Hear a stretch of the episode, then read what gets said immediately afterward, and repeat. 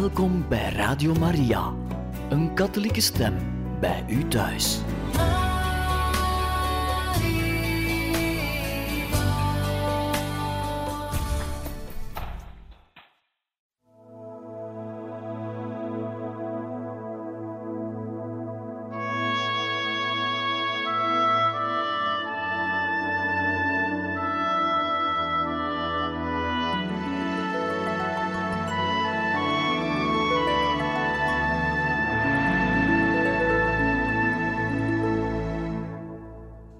Beste luisteraars van Radio Maria, hartelijk welkom in dit programma Heilige Getuigen, waar wij verder gaan met de lezing van het boek De Wenende Maagd van La Salette, geschreven door eerwaarde heer de Vleeschouwer.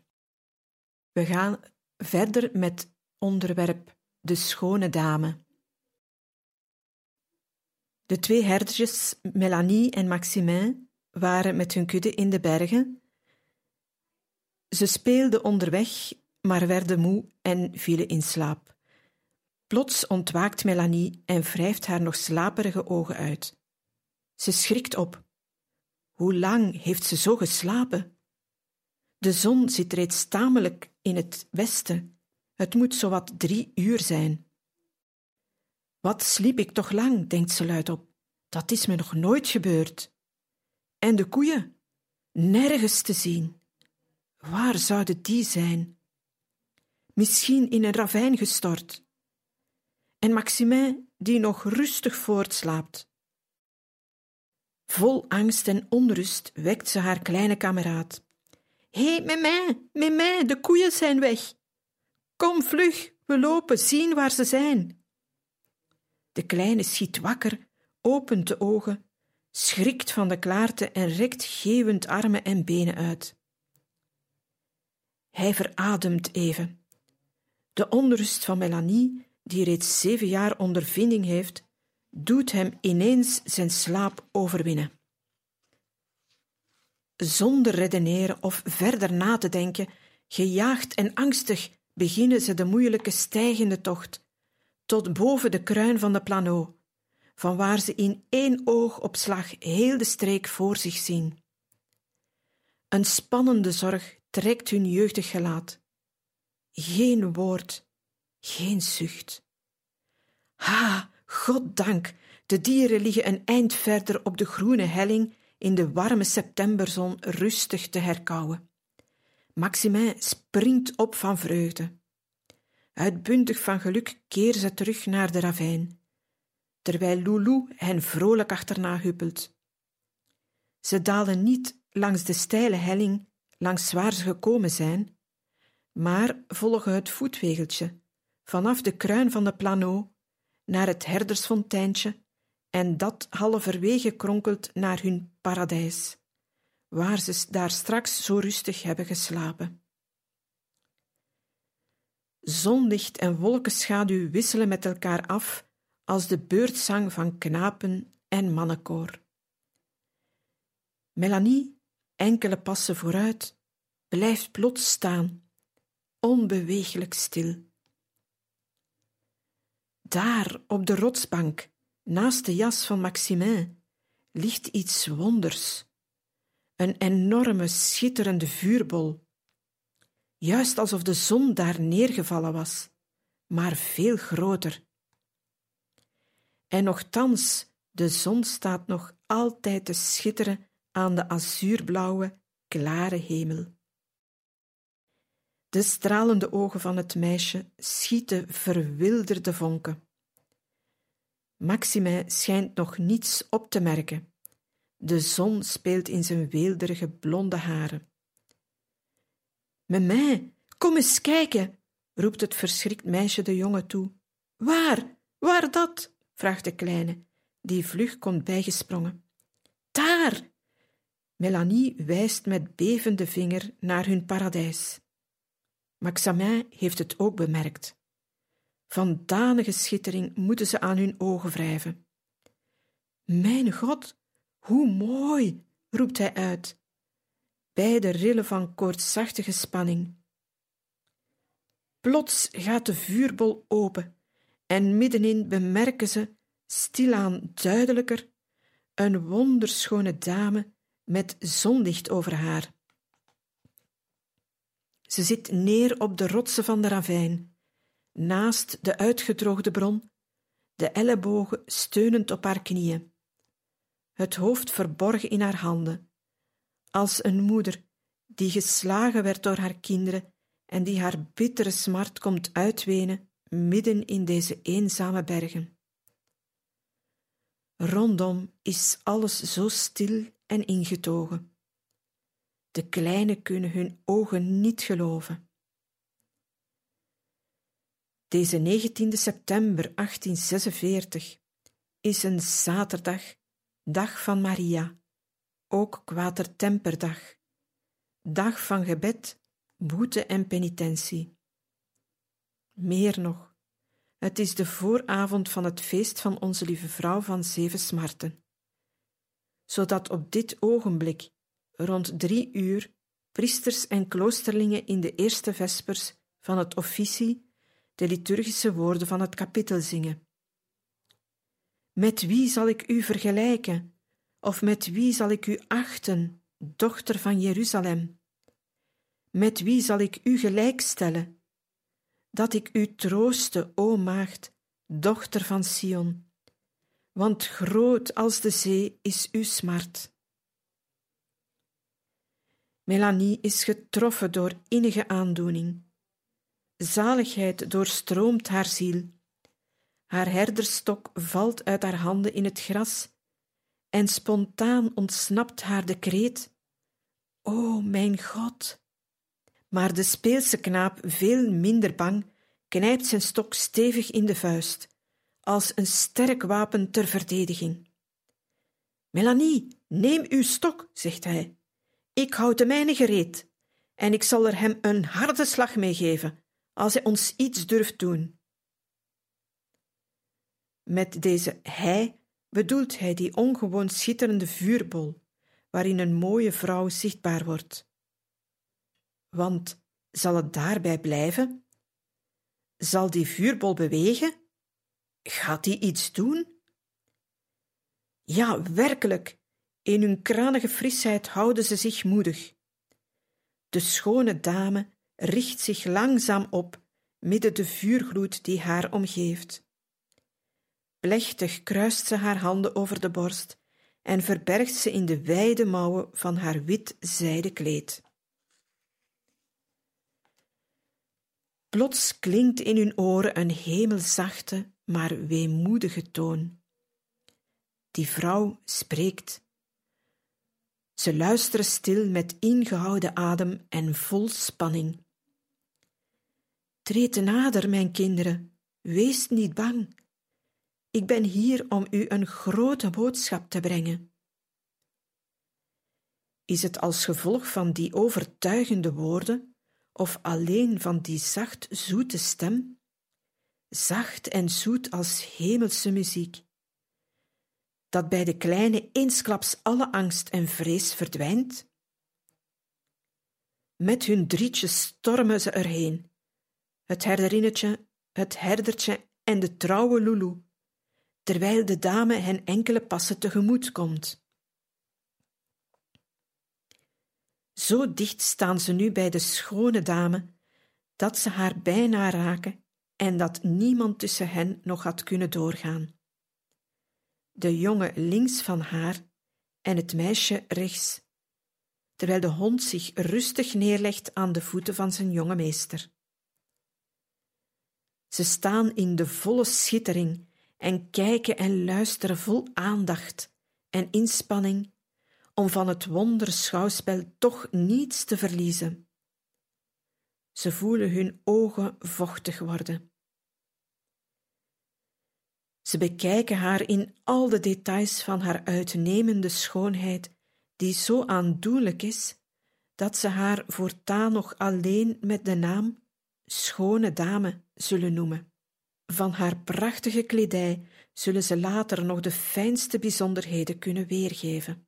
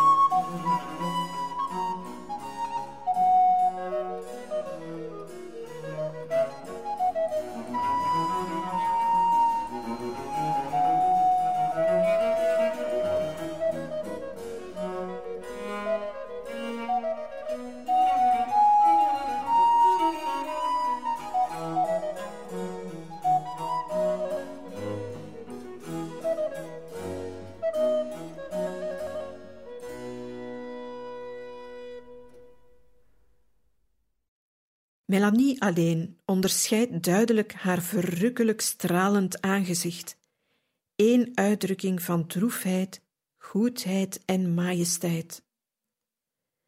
Maximin ziet er maar enkel de schittering van. Hij heeft wel met de ogen te pinkje om dat stekend licht te doorpeilen. Het helpt niet. Hij is erdoor verblind en merkt geen enkel detail van dat hemels gelaat. De dame, veel groter dan andere vrouwen, buigt een weinig haar hoofd. Haar blik, die niets dan liefde en tederheid uitstraalt, rust op de kinderen. Er speelt een hemelse glimlach tussen de tranen die aan haar ogen ontrollen. Haar hoofd is gesierd met een wit zijden hoofddoek, met daar rond een koninklijk diadeem van stralen. Wie zal de pracht van dat hoofdtooisel beschrijven? Talloze beeldhouwers hebben erover gewanhoopt. Het heeft dezelfde sierlijke vorm als dat van de vrouwen uit de streek, maar oneindig veel mooier, omkranst met blinkende, veelkleurige rozen en schitterende diamanten.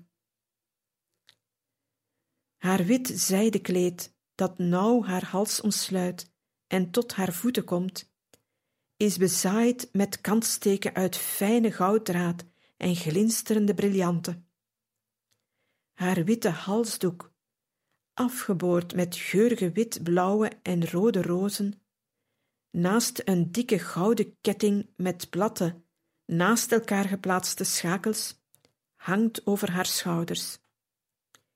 Is gekruist over haar borst en op de rug vastgeknoopt. Op haar borst draagt ze een kruisbeeld aan een fijne gouden ketting om haar hals. Op dat kruisbeeld hangt als het ware een levende Christus, met rechts een trektang en links een hamer. Om haar lenden is een goudgele voorschoot vastgeknoopt.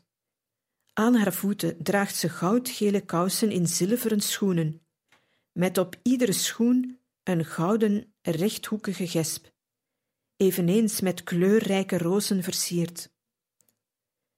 Later, wanneer een keuze moet worden bepaald bij het vervaardigen van die rozen, zal Melanie de artiesten teleurstellen en antwoorden: Die rozen zijn niet mooi, er is niets in dat glinstert, terwijl de haren ogen zo geweldig schitterden. Een dubbel aureool van licht omgeeft heel haar persoon.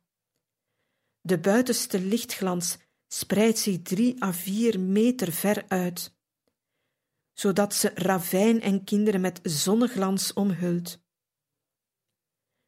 De andere lichtkrans, veel levendiger nog en met als schitterendste lichtbron het kruisbeeld, omgeeft de slanke reizige gestalte van de schone dame.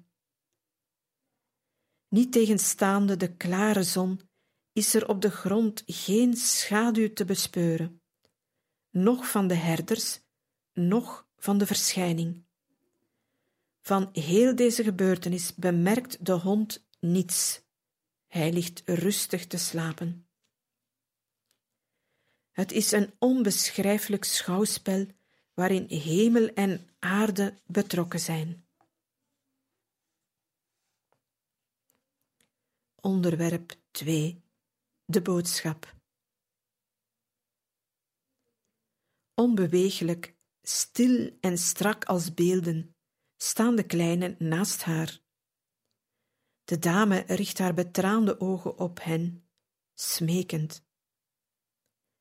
Ze spreekt zuiver Frans, onverstaanbaar voor de kinderen die slechts hun dialect gebruiken. Dat weet ze, en nochtans spreekt ze juist die taal om door een mirakel haar hemelse zending te bevestigen. En toch, de herders luisteren gretig naar haar woorden, alhoewel ze die niet begrijpen.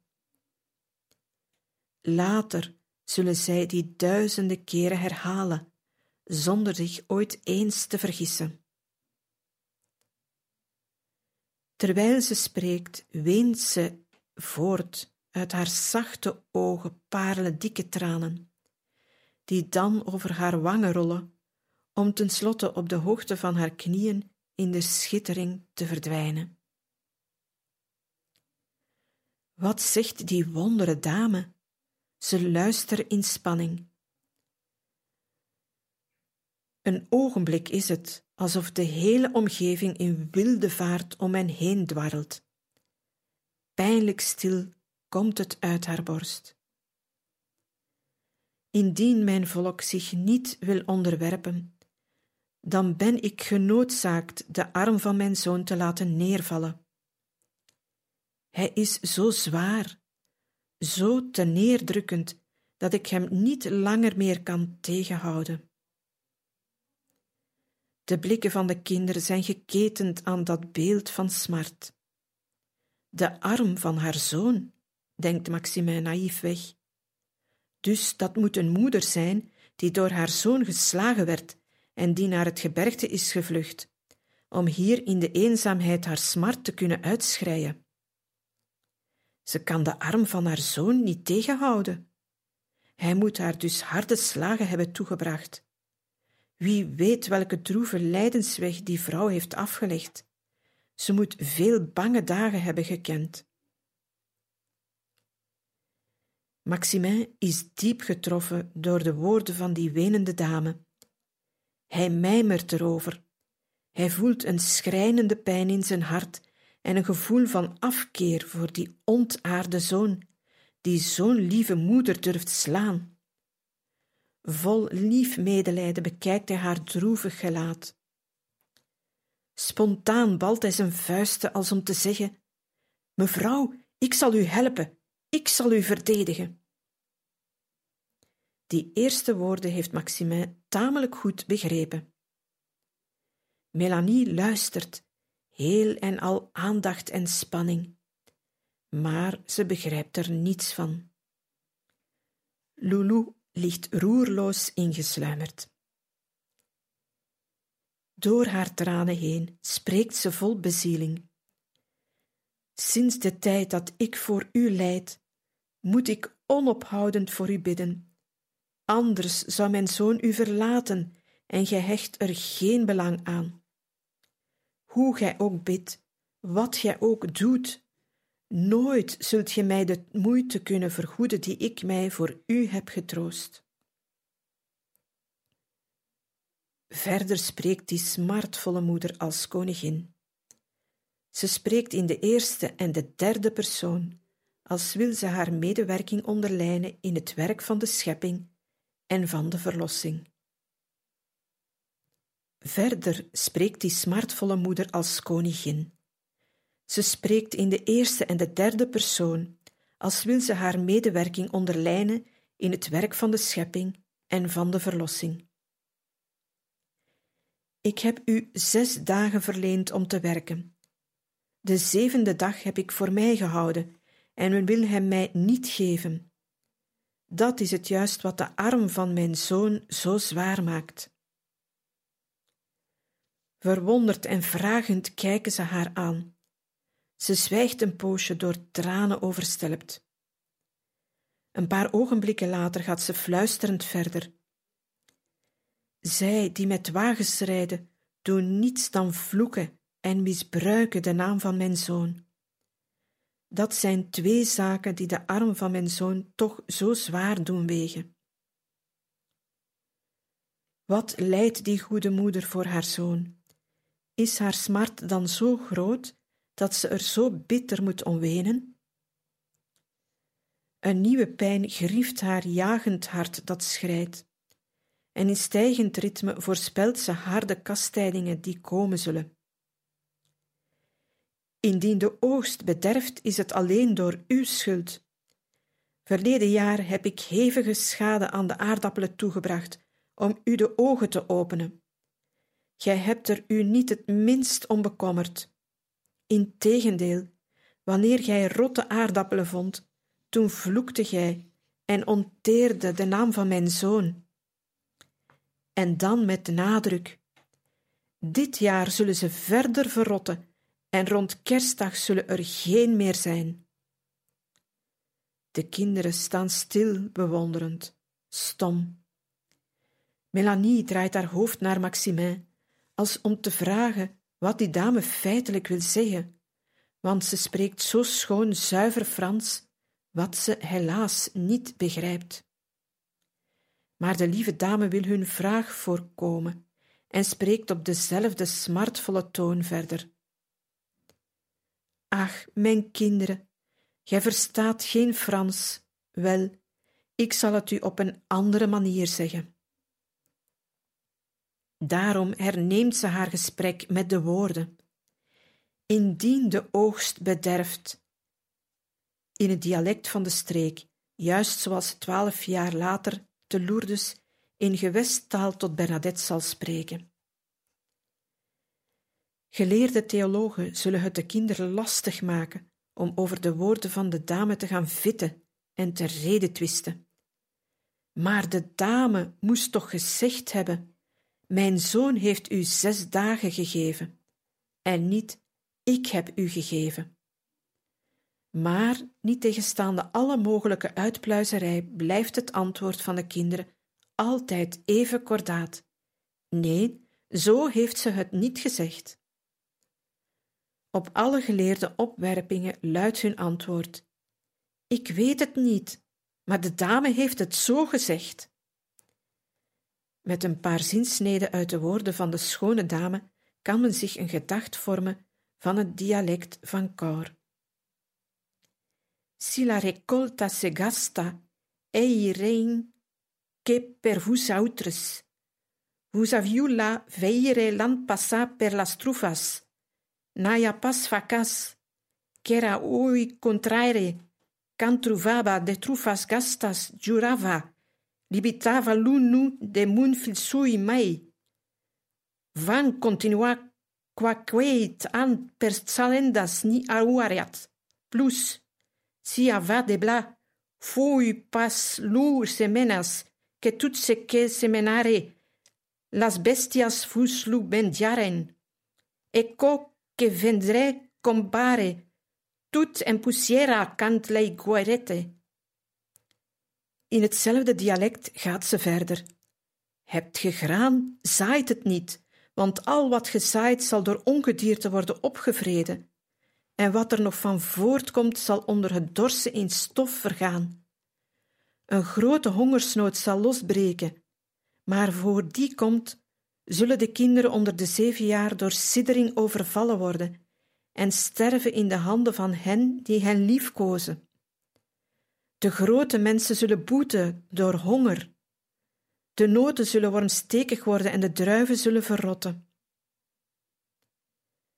Welke vreemde boodschap hier te komen spreken over aardappelen, noten en druiven. De kinderen schijnen niet het minst verwonderd het is maar later dat kortzichtige mensen met bekrompen geest daarover zullen vitten en piekeren. Mensen die niet begrijpen dat materiële fouten door kastijdingen van dezelfde aard dienen hersteld. Daarbij noemt de dame hier juist zaken die de mensen nauw aan het hart liggen. Het gaat immers om de rijkdom van de streek, en daarin zullen ze de straf beter en harder aanvoelen. Daarna spreekt de dame verder op gedempte toon. Melanie ziet de lippen bewegen, maar hoort niets.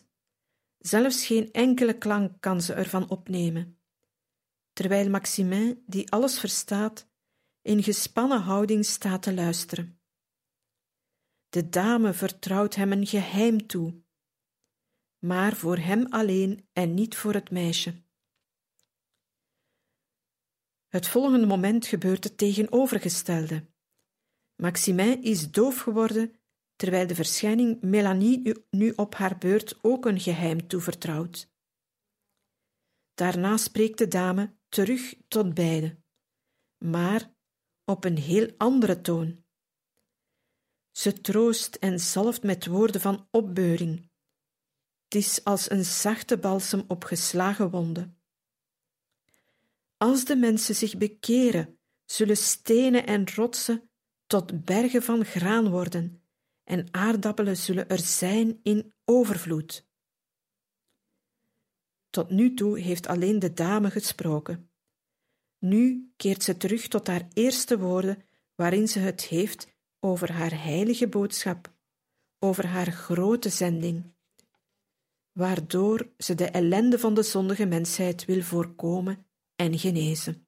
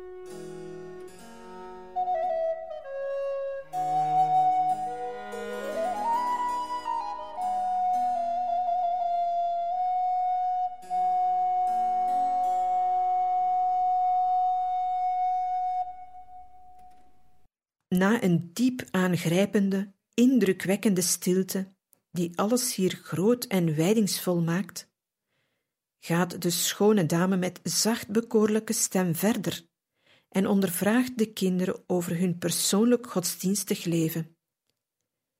Bid gij goed, mijn kinderen? Onze heidertjes durven niet liegen. Beschaamd en bedeesd klinkt hun antwoord. Zeer weinig, mevrouw. Ze berispt hen daarom niet, nee, maar kalm en medelijdend lispelt ze. Ach, mijn kleinen, dat is verkeerd. Gij moet goed bidden, s'morgens en s'avonds. Als de tijd ontbreekt om te bidden, zeg dan ten minste één onze Vader en één wees gegroet. Maar als ge wel tijd hebt en meer kunt, bid er dan meer en met deernisvolle stem vervolgt ze. Van heel de massa volk die mijn zoon moet toebehoren, zijn er maar enkele bejaarde vrouwen in de zondagsmis. De overige slaven gedurende gans de zomer, zelfs zondags. En s winters, als ze niet weten wat aanvangen, gaan ze maar naar de mis om met de godsdienst te spotten. Gedurende de vaste zoeken ze als honden naar vlees. Niet tegenstaande haar zacht en weemoedig karakter, gebruikt de dame hier harde, energieke woorden. De dame herinnert de kleine aan toestanden die ze het vorig jaar hebben meegemaakt. Hebt gij nooit verrot graan gezien, mijn kinderen? Verrot graan? O nee, mevrouw, antwoordt de kleine met nadruk, terwijl het meisje, dat niet goed weet aan wie de dame dit vraagt, heel rustig antwoordt: Nee, mevrouw, ik heb er nog geen gezien. Ze richt zich nu in het bijzonder tot Maximin om zijn geheugen op te frissen. Want een paar maanden geleden was de oogst reeds bedorven. Maar de kleine is dat totaal vergeten. Maar jij, mijn jongen, jij hebt toch wel eens verrot graan gezien, samen met uw vader, ginds op het land in Le Coin. Luister, de eigenaar van het landgoed zei tot uw vader: Kom eens zien hoe mijn koren bederft. Beide zijt ge erheen gegaan. Uw vader nam twee, drie korenaren in zijn hand, hij wreef die en alles viel in stof. Daarna, toen ge terugkeerde en nog slechts een half uur van koor waart, toen gaf vader u een stuk brood en sprak: Hier, mijn jongen, eet nog wat brood dit jaar, want als het graan zo voortbederft, dan weet ik niet wie er het volgend jaar nog zal eten. De kleine fronst het voorhoofd terwijl hij zijn geest en verbeelding doet werken. Zijn ziel is overrompeld. Le Coin, korenaren, de woorden van vader, dat stuk brood. Ja, ja, dat is gebeurd. Pijnzend antwoordt hij: Ja, mevrouw, nu herinner ik het mij. Het is zo. Oh, ik was dat vergeten. Al die woorden heeft Maximin ontelbare keren herhaald, en niet tegenstaande de spotlach van velen, hield hij zijn woord en hij antwoordde telkens vol overtuiging: Zeker heeft de dame dat gezegd. Nu volgt het slot van haar rede, weerom in zuiver Frans. Het wordt een subliem ogenblik. Het kruis houdt ze aan haar borst gedrukt. Licht en goddelijk klaar vervolgt ze.